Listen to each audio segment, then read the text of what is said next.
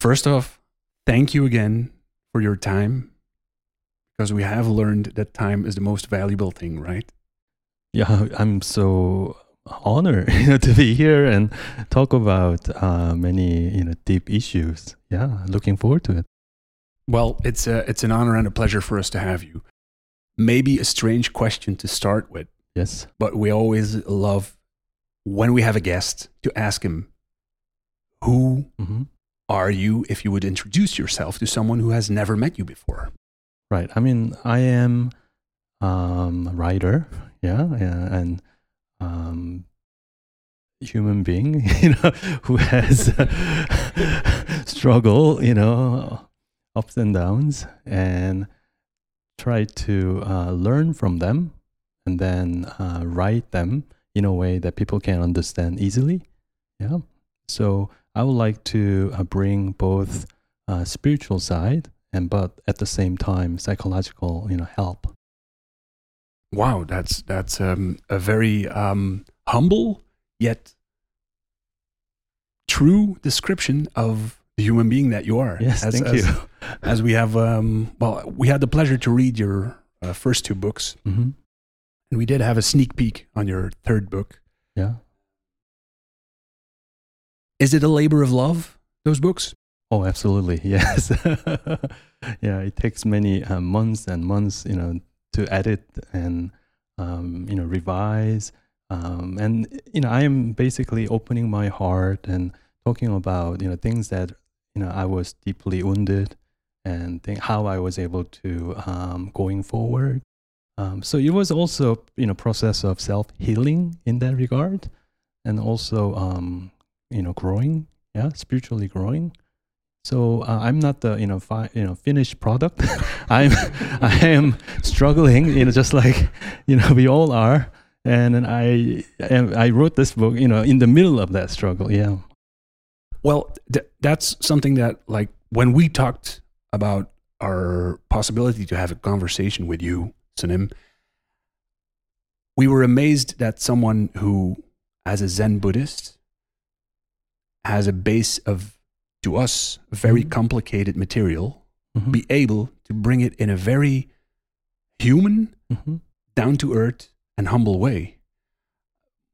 I think my question is why do you think that you succeed in bringing all this knowledge to those who maybe beforehand never understood it?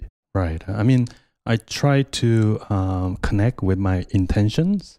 You know, my intention is to actually help people.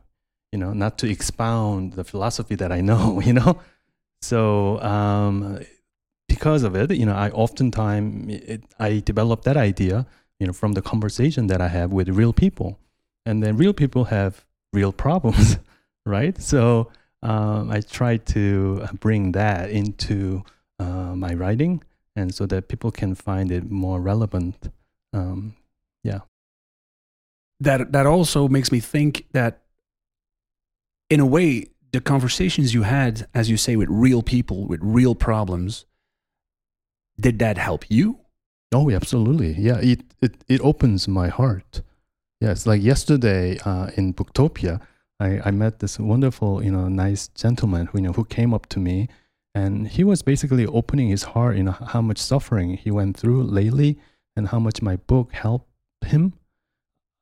It was like you know a sense of vulnerability, and like he was in tears, and I was in tears, you know, and that beautiful moment, you know, something like that. You know, I just feel so grateful that I get I get to witness that That's a very intense connection you have with a person, right? through my writing. Yeah, Exactly. Yeah, yeah, yeah. I would have never imagined that I would have that kind of relationship with somebody far, far away from South Korea, right? and and yet, you know, they are connecting. So I'm extremely grateful. Um, through your first and second book, hmm you taught us a lot. hmm I mean, the first two books taught us, in my humble opinion, to love the imperfect hmm and to slow down. hmm Your new book hmm is a bit more.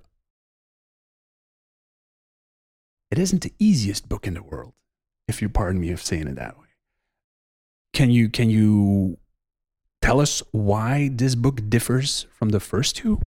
Uh, because I go deeper, right? I I talk about you know my experience of jealousy, you know my experience of being vulnerable, and my relationship with my father.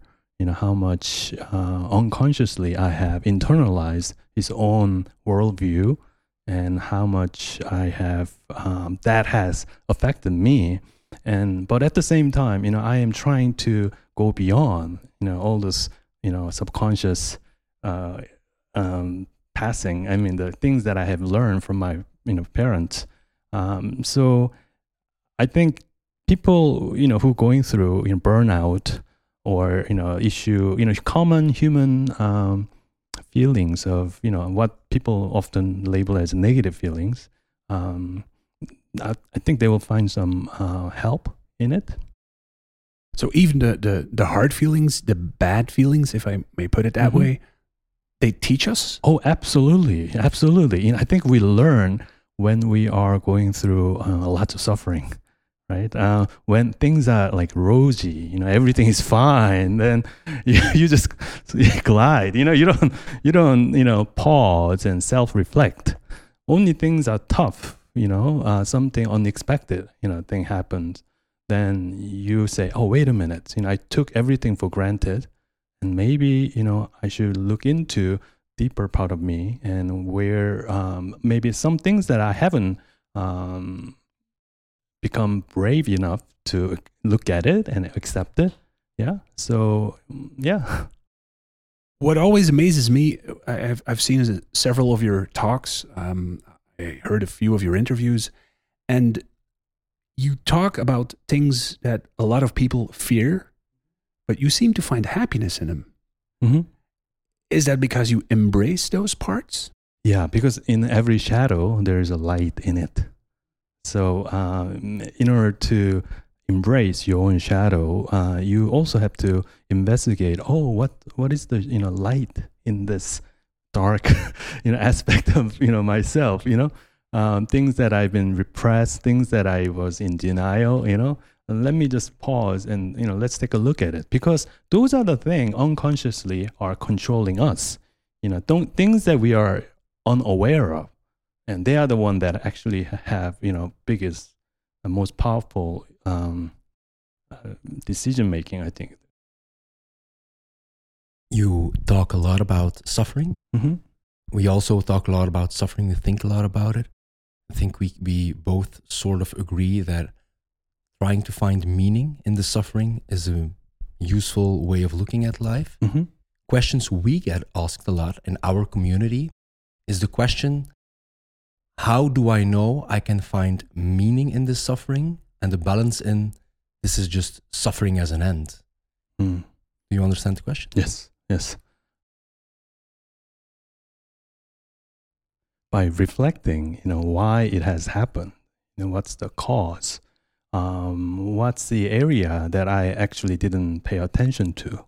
You know, um, maybe I could have spent more time, you know, taking good care of my body, you know, or my mind, or my relationships, uh, or my purpose. You know, try to connect with my you know, higher purpose in my life.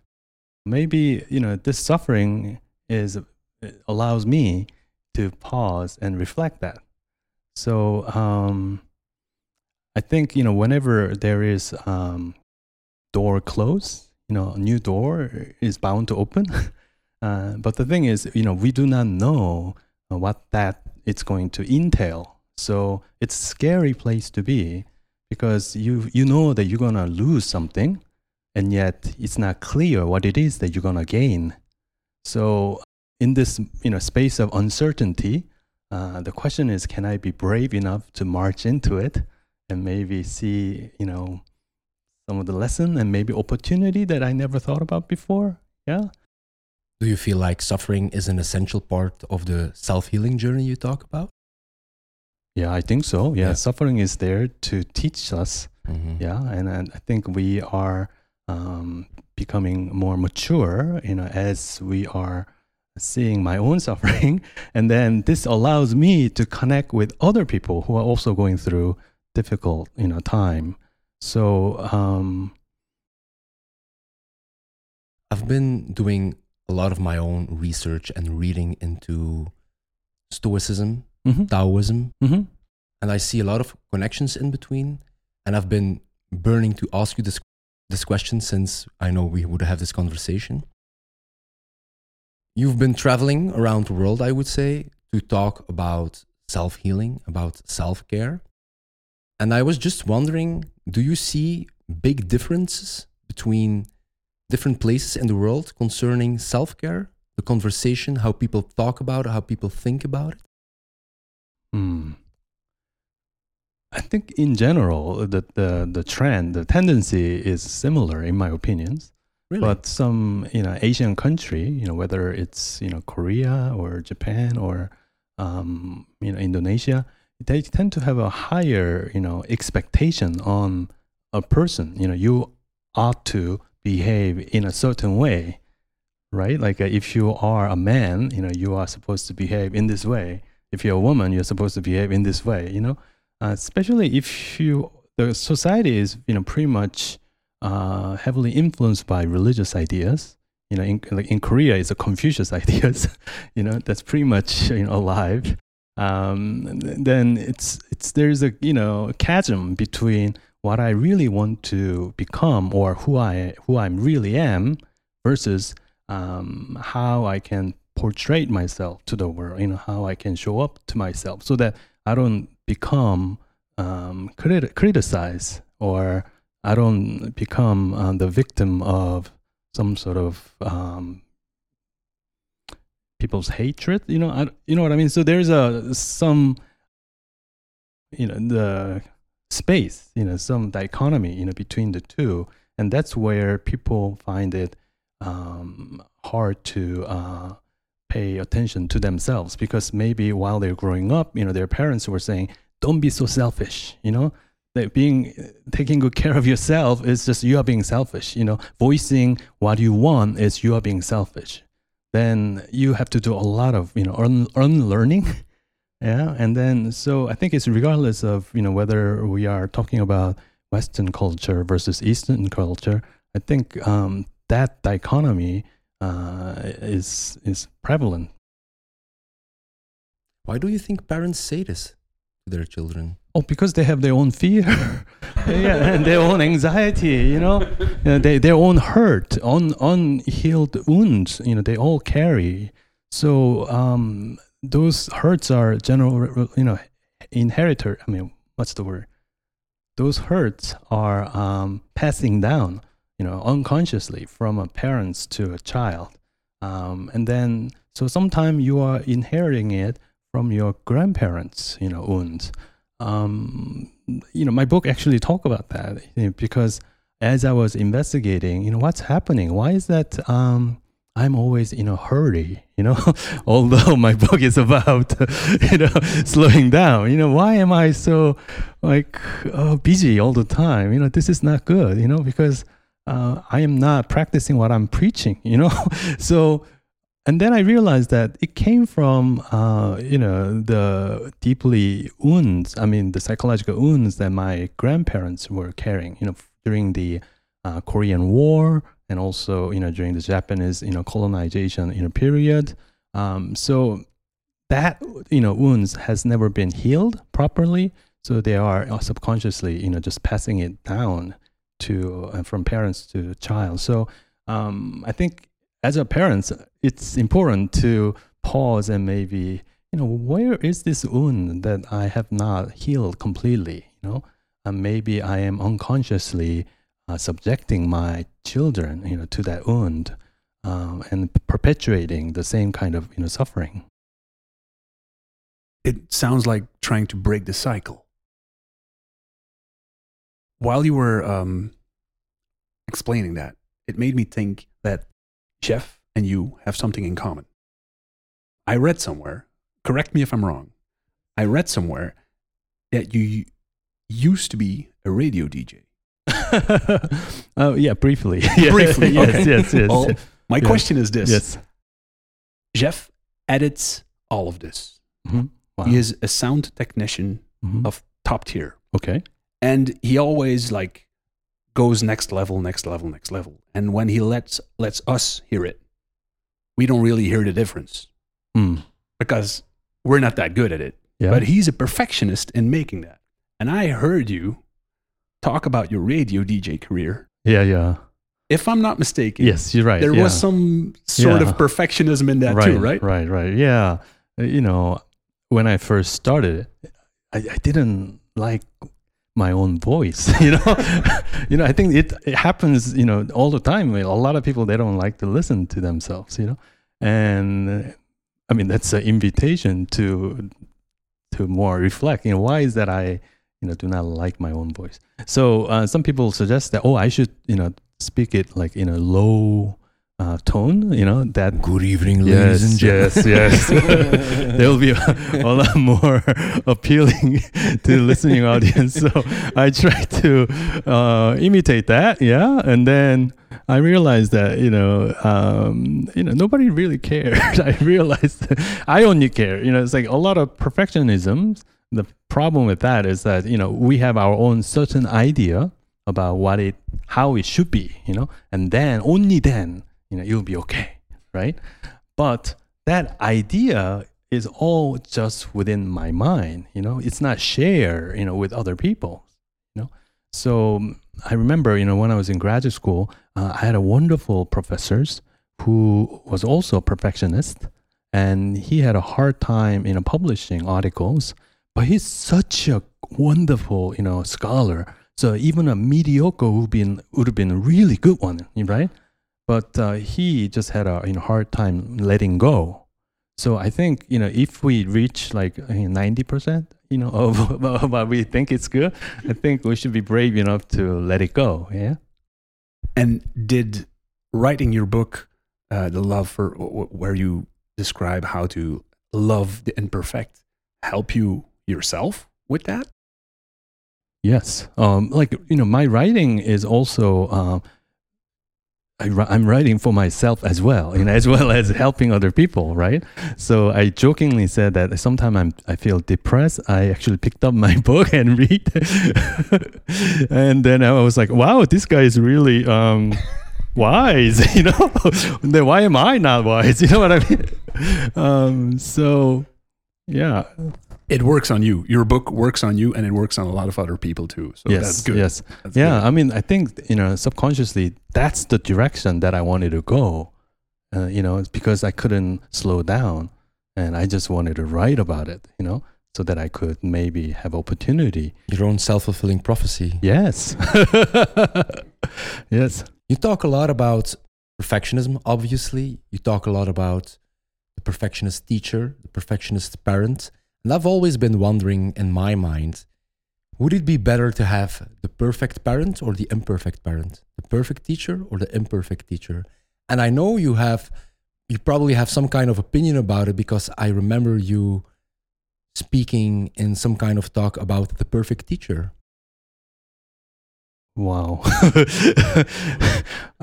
I, hmm, I think the perfect teacher would be somebody who who's fully you know accepting his uh, or her uh, not only the light but also shadow.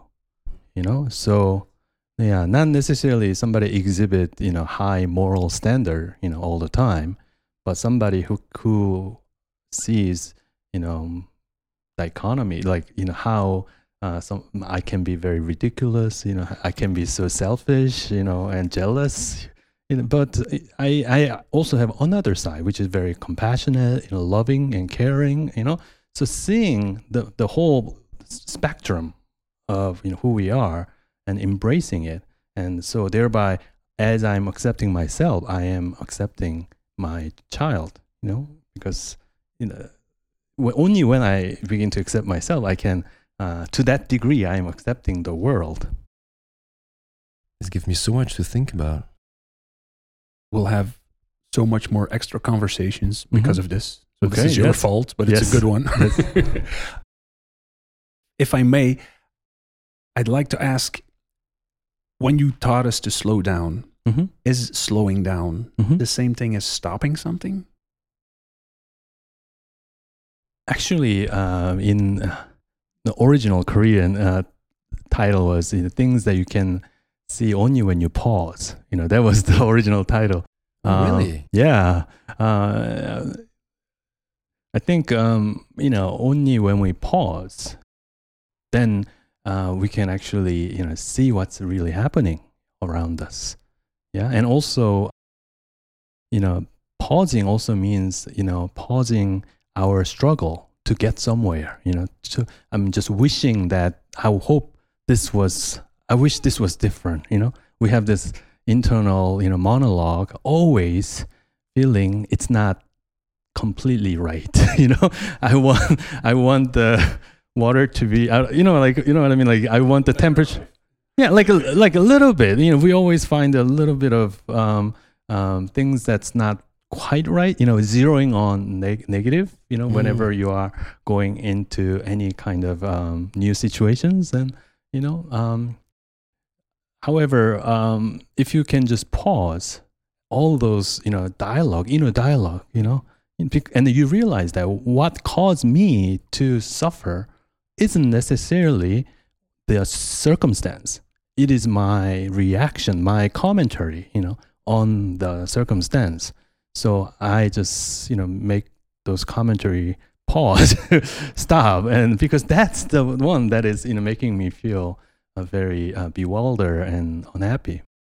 Am I understanding it correctly that that way you see that the circumstance is not at fault as you're going through hard times, but sometimes it's your own thoughts around Right. those circumstances? Right. You know, I talk about that in this book, you know, why we are not happy, you know. Uh, the reason is because we always wants to either our mind wants to either go somewhere and grasp something or whatever that is coming to us, we want to resist. So this two, you know, movement that is to try to go and grab something that I want or uh, resist that which I do not like. You know, so these two uh, tendency of our mind that creates, you know, a lot of suffering. So then the question is, how can I reduce, you know, um, resistance, for example, you know, because the less I resist, the more accepting I am, the happier I become, you know, calmer and peaceful, you know, more I feel. So it's not really about the circumstance outside because circumstance constantly changes, right? And then maybe those circumstances, you know, the situation, you might find it very um, uh, happy and wonderful, but somebody else can find it very annoying, and you know, so it's nothing is objective, you know. So, but this tendency to either resist or go and grasp something, you can see that as a universal, you know, and that's where the suffering uh, comes. So whenever you feel like really, you know, overly stressed, and notice where you are resisting, and then also notice where you are um, trying to grasp something. You know, if you can just let go, Do you mean by grasping? Do you mean sort of controlling it? yes, yeah, controlling to a certain degree, yes, Mm. but also at the same time, uh, like you know, like the feeling that I wish things are a little bit better, different. You know, Mm. like uh, the you go to um, you know restaurant and then you are seated, you are seated, but uh, I wish my you know table was next to the window. You know. And Oh, because of it, I feel a little, ah, you know, you know what I mean. It's not perfect, you know, you know what I mean. Like a It could be thing. better. Yeah, it could be better, right? And then, so the choice is, you know, should I just complain, you know, within my mind the whole time in having dinner? Yeah, like that happens. yeah, complaining the waiter, you know, how come they are not treating me right? You know, how come, you know, I didn't get the table next to the window? Basically ruining entire meal. And then, but you can say, hey, you know, I don't want to play that game of, you know, trying to uh, either grasp something or resist. You know, by turning it down, toning it down, you know, I feel much more peaceful and, and yeah. It seems to me that acceptance in that way Mm-hmm. gives you freedom. Oh, absolutely. Right? Yes. Um, oftentimes people come and ask, you know, questions about their lives, and it's about you know they're struggling because they cannot accept the things they cannot change, right? So what do I do? You know, things that you can you don't have any control over, uh, and yet you are struggling because you wanna somehow go there and change it exactly the way you like it, right? Um, so in that case, uh, I think uh, we should realize what we are doing, you know, and by doing that, we are actually creating more suffering for myself. I can ask you a question about this. It strikes me as the quote it's not reality that discomforts us, it's more like our opinion mm-hmm. about reality that discomforts us. Yes. Your analogy about the restaurant is very striking to me because we get this question every day on our Instagram or mm-hmm. social media. And it's about the balance. It's about I want to sit at the window, mm-hmm. but I also want to find contentment in sitting right here. Mm-hmm. And people ask it like, how can I give space to my own personal struggles and find balance and caring for other people or other things? Let's say external conflicts out of my control. Let's say mm-hmm. external conflicts on the other side of the world to describe it a big fake. Mm-hmm. That's a question we get every day. I am suffering, but my problem doesn't seem as serious as a problem of the person next to me. That's a question we get every day. How would you start to think about an answer to this very complex question? Yeah. Um, well, you know, I think one of the pitfall, uh, one of the the ways to make yourself really, uh, you know, unhappy is try to control things that you have no control over. So, um, you know, rather than uh, trying to control how other people feel, uh, why don't you uh, see if you can, you know, do a little more self care and then make yourself heal from the some of the anxiety, you know, unhappiness that you're having, and then only then, you know, you can go out and actually help other people, you know, because you feel a lot better, you know. When we are, you know, in a very negative you know, state, uh, we also pull every everybody else into our level, right? So um, I love I think, that. Yeah, I love that. So I think what we can offer is uh, we get healed and then we bring joy, you know, because of my new state. Yeah, it's a good base. If if you're healthy, if you're strong in a way, mm-hmm. you can take care of others. Absolutely. Right. Yes that that made me think. I read somewhere that you you uh, if I'm paraphrasing, mm-hmm. I'm sorry, that you said you can learn more from the body than the intellect mind. Yes. Does that mean when you're looking for that self care, mm-hmm. should we take care of the body? Yes, yes. absolutely, right. absolutely, yes. Uh, you know, yesterday at Boektopia, you know, the woman came up and she said, my daughter is suffering from anxiety. You know, what can she do? I told her, and I told her, does she sleep seven hours a day? or like the next question is, does she go out and walk in nature? You know, like does that become a part of his, her routine? Does she eat, you know, healthy meal? You know, those fundamental, you know, things. Uh, once your body feels better, then you can you realize that, oh things are actually improving. You know i can you know see i feel more you know positive. Uh, so uh, but at the same time i have to say that our body is wiser than we give credit for. That is our body knows what's happening um, much quicker because it's it's um, it's connected to our unconsciousness you know? So i like what we call gut feeling. Gut feeling yes yes, yes you know you just know you know immediately. You know you don't know why you know that is the case but you just know yeah something is not right you know. So our body uh, is really intelligent. So i think we have to honor our body and see if we can uh, care for our body first you know. So putting more trust in our body is worth it right? absolutely absolutely. Yeah, it's it's like feeling this trust of of meeting someone new, right? Mm-hmm. That you say, hmm, feels a bit off. Right, right.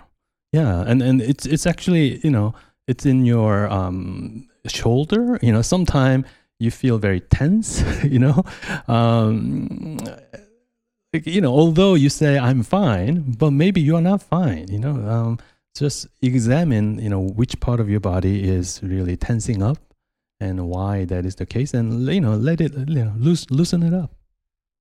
I honestly believe. Well, we we try to take care of our bodies, but we see a lot of people struggling with it. Mm-hmm. It doesn't seem an easy feat to take time to listen to your body and, and Mm-hmm. what am I feeling? Why am I feeling what I'm feeling? And that's not your mind doing it, but that's your body doing it, Right. right? Because if you are primarily, you know, identify yourself with your own ego, then you will do that. You know, you'll just ignore, disregard, you know, what your body is feeling. You know, because I am ego. You know, my I'm, I am just thinking, you know, mind. You know, nothing else. And somehow I can, if I have a good positive thoughts, maybe I'll be able to change my life. You know, but actually, it requires your body work as well. And I think our body also remembers, you know, the some of the trauma you know so healing yeah and so healing you know which part of your body is still uh, tense up without knowing you know? Like uh, you know let that part of your body you know talk about the, the, uh, whichever story that the body wants to talk about let it come out. And and then also uh, let it uh, express you know through dance or through hiking you know? Some so i think it's really important Or to radio DJing. Yeah. Yeah. You uh, would would you would you say that everyone in the world needs healing in some way?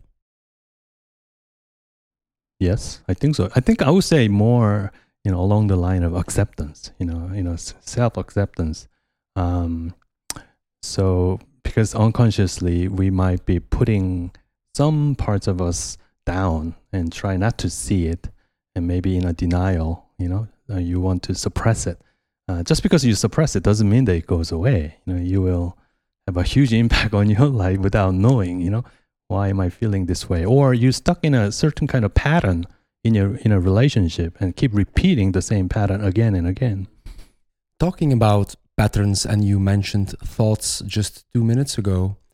If there was a competition for overthinking, I would probably be in the running for the gold medal. So, uh, actually, I slept very badly last night because okay. I woke up at three thirty a.m. and I started to think and overthink and think and think again, and I couldn't break my pa- pattern even last night. mm-hmm. It was also because I was very excited to do this uh, oh conversation, but still, um, uh, it happens to me a lot of time. I overthink a lot of time. Just a question from me personally to you, because I've been struggling with this so hard for so many years, all my life. What would be a good starting point for me to try to break the pattern of addictive overthinking? Yeah, I think you know first thing we can do is ah, I am overthinking. You know, become aware of what's happening, right?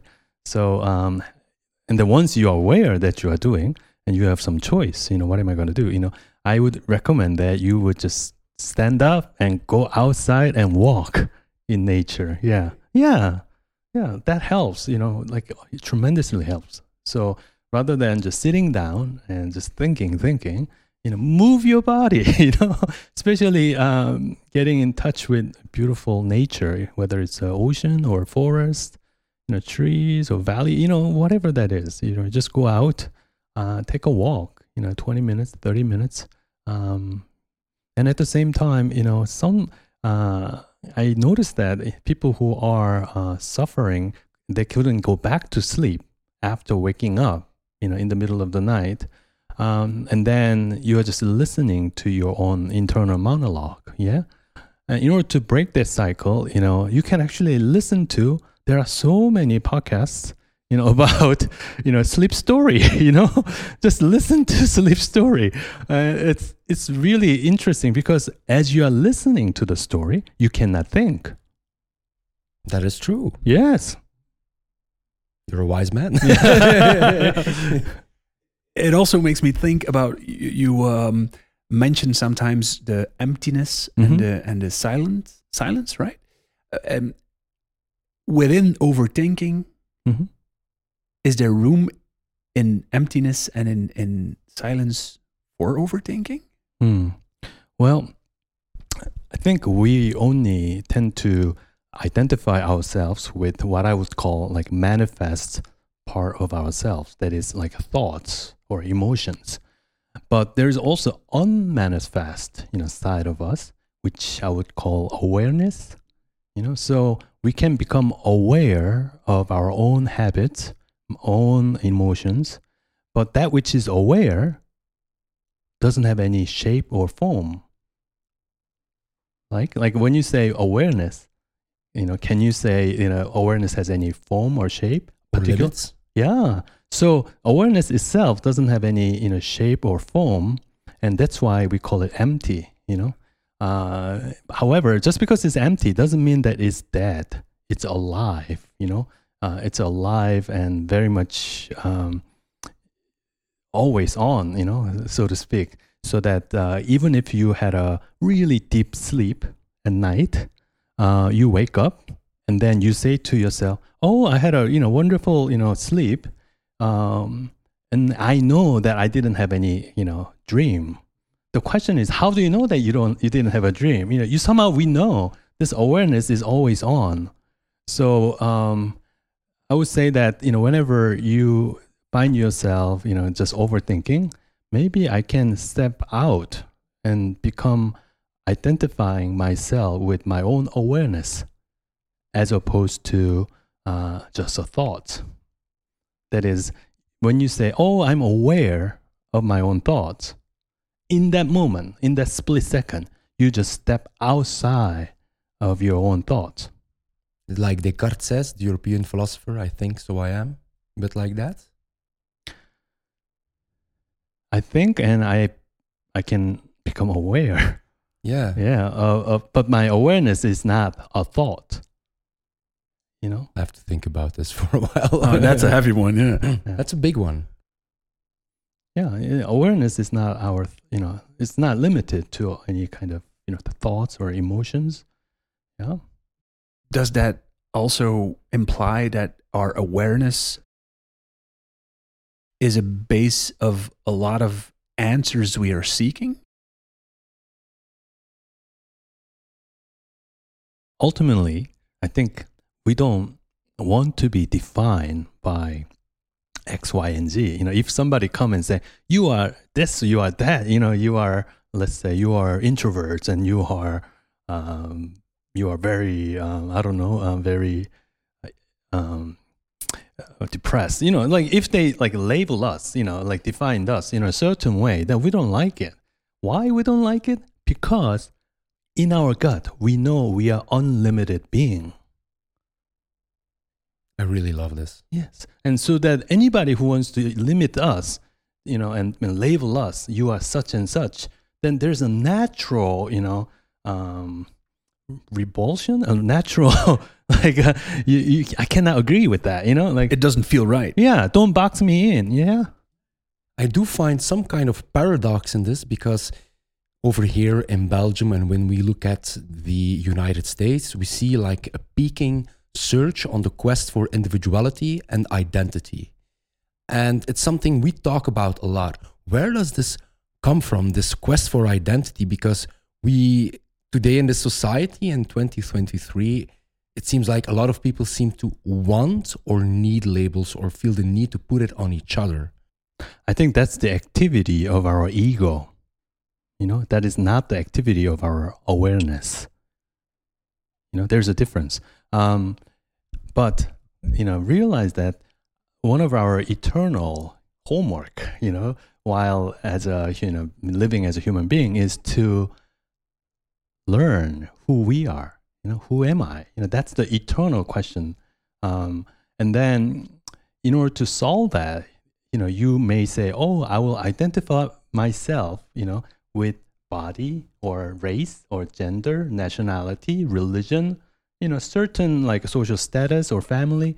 If you identify yourself with that, you know, notice that um, you are in a way, you know, reducing yourself to only that. Um, and at the same time, uh, that which um, like you know if you are, if you were to say oh i am you know I am like race, like I'm Asian, for example, then um, there is awareness that which is aware of the fact that I am Asians. Do you know the difference? You know, the difference is that um, you are not limited to your own race. You know, I think we often uh, like to define ourselves through stories. You know, certain kind of narratives. You know, I am such and such because I had this and that kind of life. Yeah. So, um, however, uh, the invitation is to see beyond your narrative. You know, see the potential. Yeah, and a lot of time people are people are stuck in their faulty narrative, you know, about themselves. You know, and so like what psychoanalysis they do is when you go see a psychotherapist, they try to edit the story that you have. You know, instead of just looking at the shadow, you look at all the light that you had. You know, um, like for example, you know, my father, you know, I, I talk I talk about in my book. You know, my father, uh, because he grew up really poor, um, and he had this idea of the world is uncaring, and if I don't work hard for myself and for my you know family, there will be nobody is gonna come and help us. You know, that kind of you know belief that very you know lonely place to be. You know. Um, I think you know, just okay. I'm like losing the train of thought. what it is that I was going to say. I was going to say something. Your father, his identity was it that he was a hardworking man that made him a bit lonely? okay, got it. I, I remember. Yes. So I, my father, uh, there is a certain aspect of my father uh, which became my shadow. To be honest, that is, I did not like it. You know, I didn't like certain you know aspect of my father uh, because he was very uh, generous to us, but he was very cold to the world.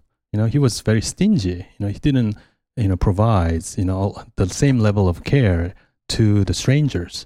So I find it very upsetting, you know, especially when I was in teenager, you know, I judged my father very harshly, you know, how come you were so um, ungenerous, you know?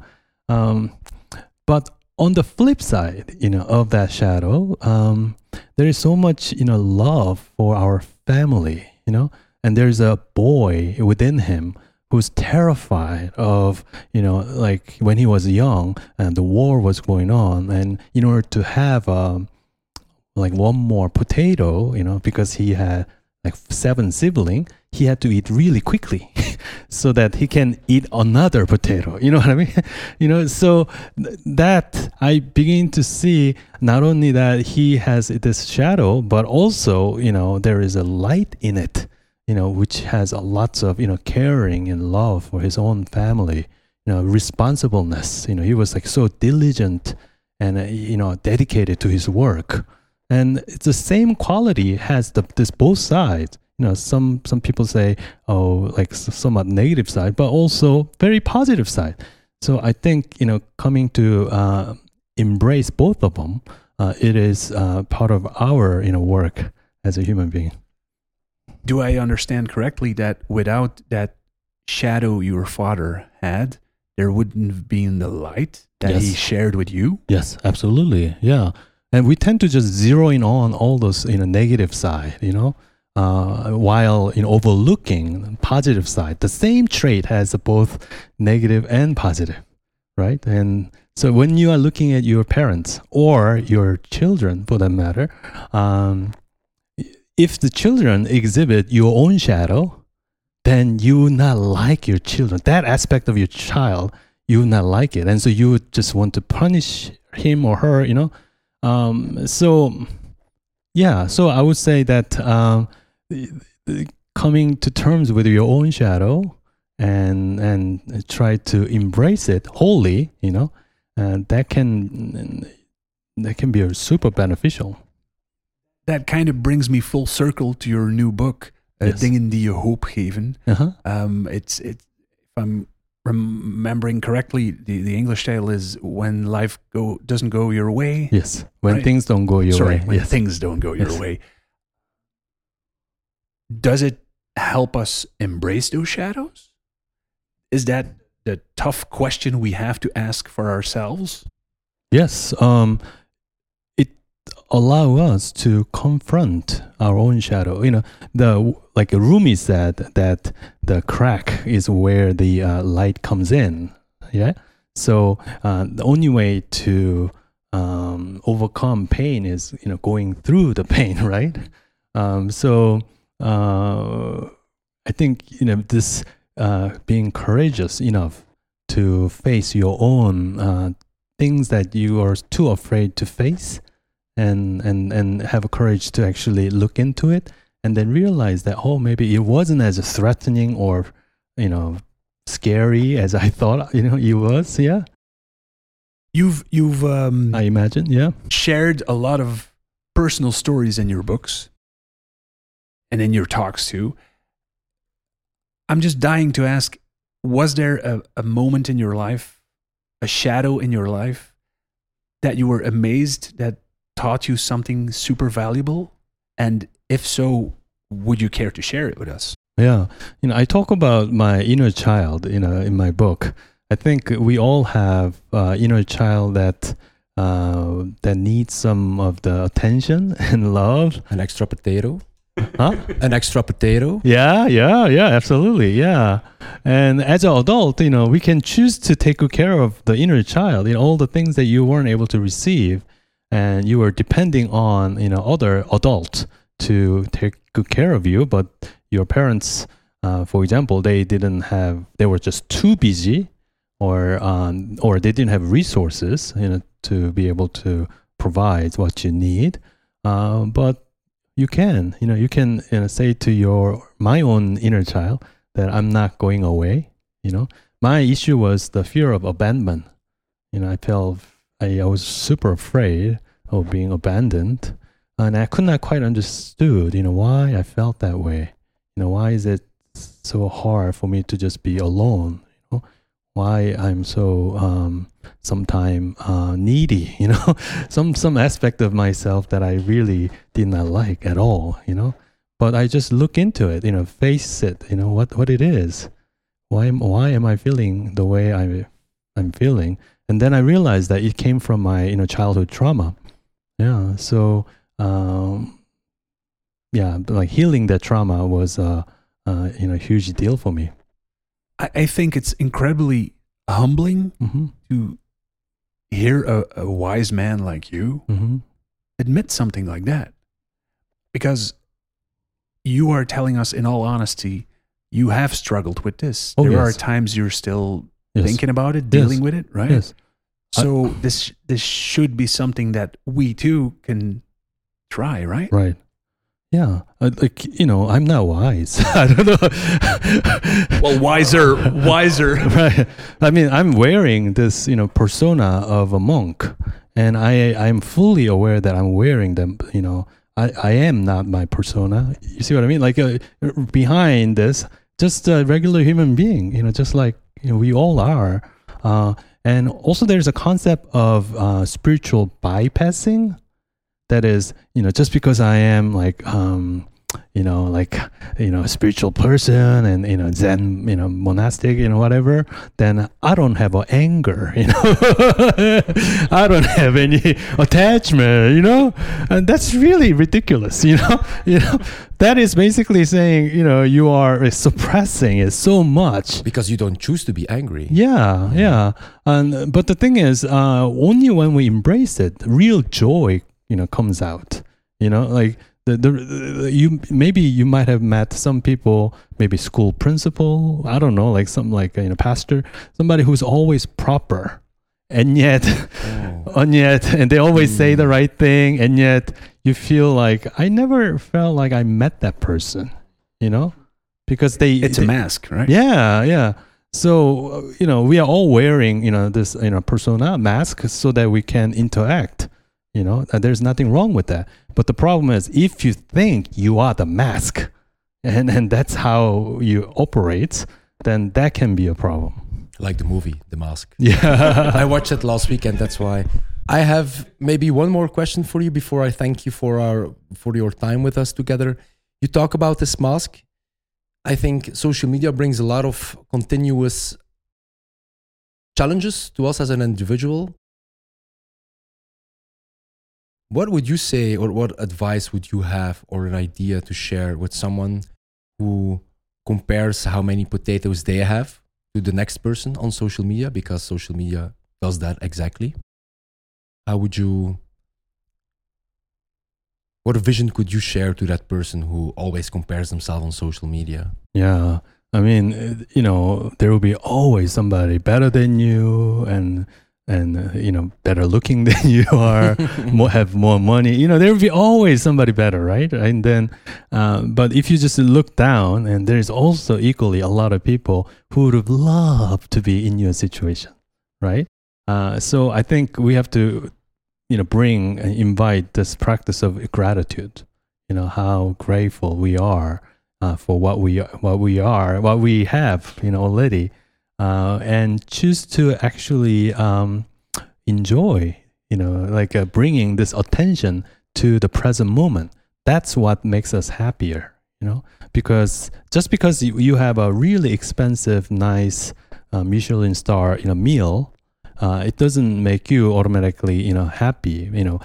If you are not actually um, bringing your attention awareness to the meal you know if you can think about some other all those things that i have to do then you will be eating mindlessly you know without actually knowing fully enjoying savoring the food so i think you know regardless of which situation you are if you can just pause and bring your mind to the present moment and you know really feel what is there. You know, it can be a coffee that you're having, or it can be a you know nice smile that I see you, you, you too. yeah, yeah, yeah, yeah, yeah, uh, yeah. This you know this feeling of connection and joy.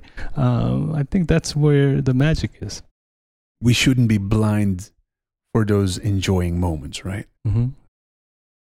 Well, I know for a fact that the coming days and weeks him and I will have a lot of different talks because of you again. But I, it's with a lot of pleasure. I put the fault on you because you helped us connect even better. Oh yeah, with um, your viewpoints, your way of thinking, and I believe honestly there will be a lot of viewers and listeners who will have discovered new ways of taking a look at themselves. Yeah.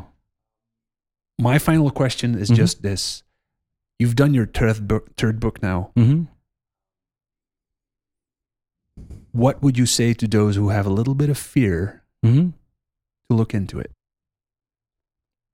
Well, my book has a lot of beautiful photos, illustrations. it's a nice cover. yes, yes. So uh, you know, and then it's easy to read. You know, it's not dense writing. Uh, it has a lot of empty space. uh, and uh, you know, if you can just, and you don't have to finish it from the beginning to the end. You could, whichever chapter that interests you. Like for example, if you are, you know, dealing with the issue of loneliness, you know, you can just zero in on that.